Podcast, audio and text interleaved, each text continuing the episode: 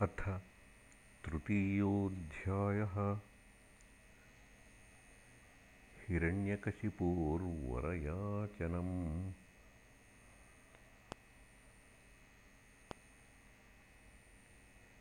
नारद उवाच हिरण्यकशिपूराजन्नजेयमजरामरम् आत्मानमप्रतिद्वन्द्वमेकराजं व्यधित्सत। स तेऽपे मन्दरद्रोण्यां तपः परमदारुणम्। ऊर्ध्वबाहुर्नभोदृष्टिः पादाङ्गुष्ठाश्रितावनिः जटादीधितिभिरेजे संवर्तार्कैवांशुभिः तस्मिंस्तपस्तप्यमाने देवाः स्थानानि भेजिरे। तस्य मूर्ध्नः समुद्भूतः स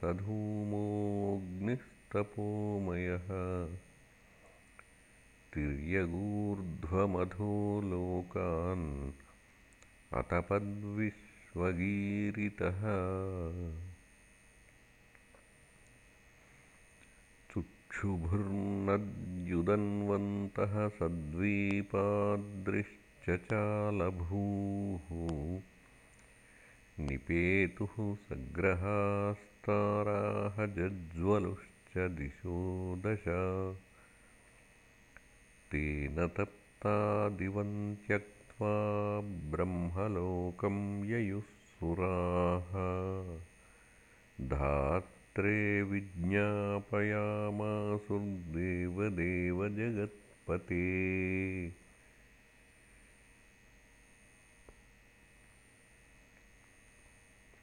दैत्येन्द्रतपसा तप्ताः दिवि स्थातुं न शक्नुमः तस्य चोपशमं भूमन् विधेहि यदि मन्यसे। लोकान्न बलिहारास्तवाभिभूः।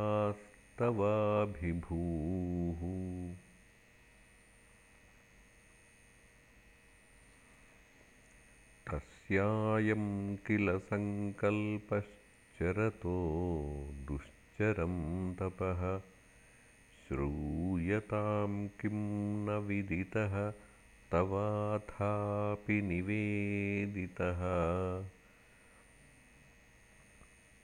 सृष्ट्वा चराचरमिदं तपो योगसमाधिना। अध्यास्ते सर्वधिष्ण्येभ्यः निजासनम् तदहं वर्धमानेन तपोयोगसमाधिना। कालात्मनोश्च नित्यत्वात् साधयिष्ये तथात्मनः। अन्यथेदं विधास् येऽहमयथा पूर्वमोजसा। किमन्यैः कालनिर्धूतैः कल्पान्ते वैष्णवादिभिः इति शुश्रुमनिर्बन्धं तपः परममास्थितः। विधत्स्वानन्तरं युक् स्वयं त्रिभुवनेश्वर। तवासनं द्विजगवां पारमेष्ठ्यं जगत्पते। भवाय श्रेयसे भूत्यै क्षेमाय विजयाय च इति विज्ञापितो देवैर्भगवानात्मभूर्न हरितो भृगुदक्षाद्यैर्ययौ दैत्येश्वराश्रमम् न ददर्श प्रतिच्छन्नं वल्मीकतृणकीचकैः पिपीलिकाभिराचीर्णमेदस्त्वं मां सशोणितम्।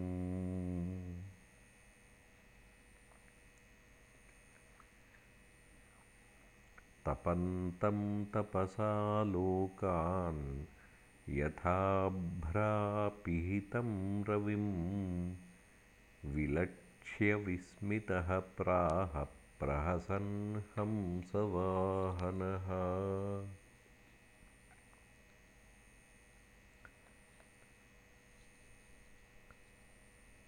ब्रह्मोवाच उत्तिष्ठोत्तिष्ठ भद्रन्ते तपःसिद्धोऽसि काश्यप।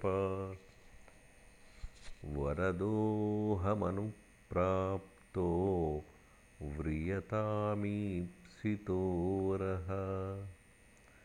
अद्राक्षमहमेतत्ते हृत्सारं महदद्भुतम्। दंशभक्षितदेहस्य प्राणा ह्यस्थिषु सेरते। नैतत्पूर्वर्षयश्चक्रुर्न करिष्यन्ति चापरे निरम्बुर्धारयेत्प्राणान् को वै दिव्यसमाहशतम्। व्यवसायेन तेनेन दुष्करेण मनस्विनां तपोनिष्ठेन भवता जितोऽहं दितिनन्दन। ततस्ते आशिषः सर्वाः ददाम्यसुरपुङ्गव। मर्त्यस्य ते ह्यमर्त्यस्य दर्शनं नाफलं मम नारद उवाच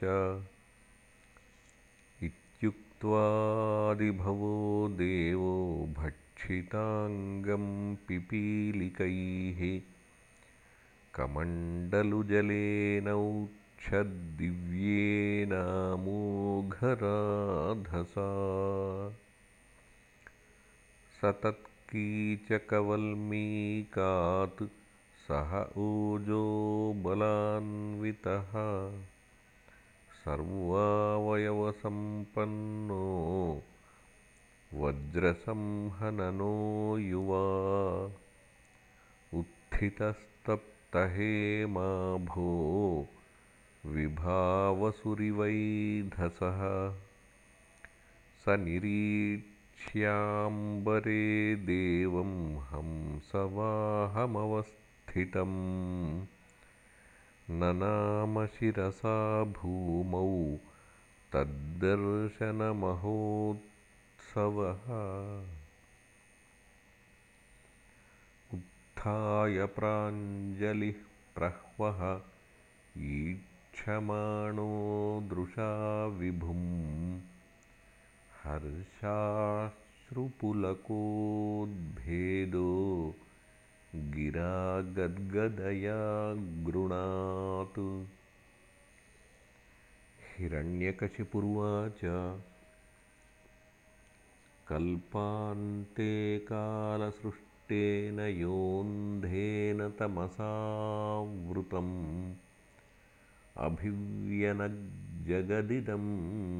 स्वयं ज्योतिः स्वरोचिषा आत्मना त्रिवृता चेदं सृजत्यवति लुम्पति रजःसत्त्वतमोधाम्ने पराय महते नमः।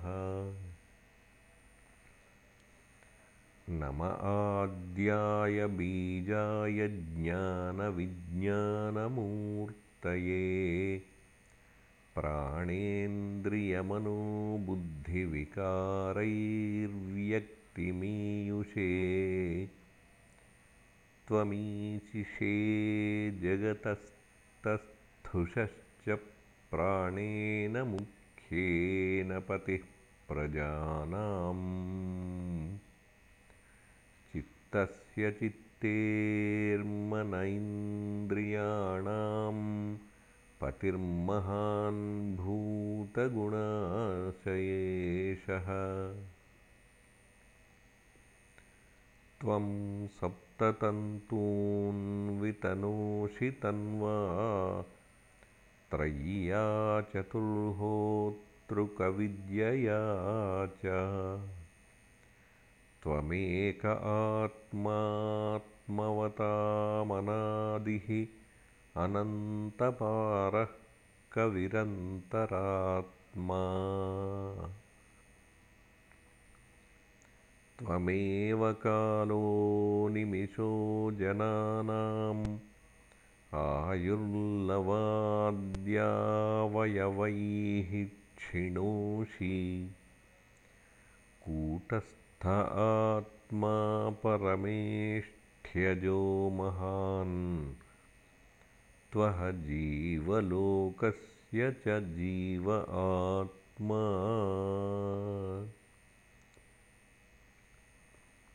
त्वत्तः परं नापरमप्यनेजदेजच्च किञ्चिद्व्यतिरिक्तमस्ति। विद्याः कलास् ते तनवश्च सर्वाः। हिरण्यगर्भोऽसि बृहत्त्रिपृष्ठः व्यक्तं विभोस्थूलमिदं शरीरं येनेन्द्रियप्राणमनोगुणांस्त्वम्।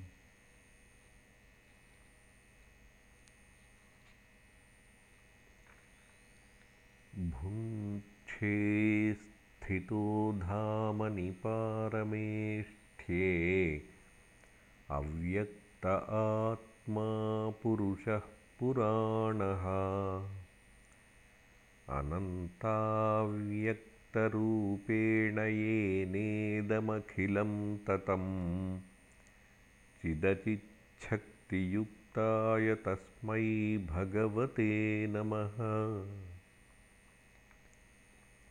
यदि दास्यस्यभिमतान् वरान्मे वरदोत्तम भूतेभ्यस्त्वद्विसृष्टेभ्यो मृत्युर्माभून्मम प्रभो। नान्तर्बहिर्दिवा तमन्यस्मादपि चायुधैः। न भूमौ नाम्बरे मृत्युर्न नरैर्न मृगैरपि।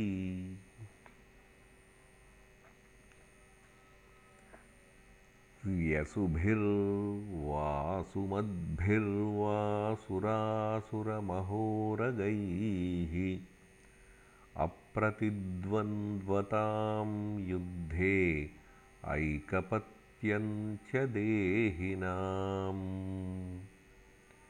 सर्वेषां लोकपालानां महिमानं यथात्मनः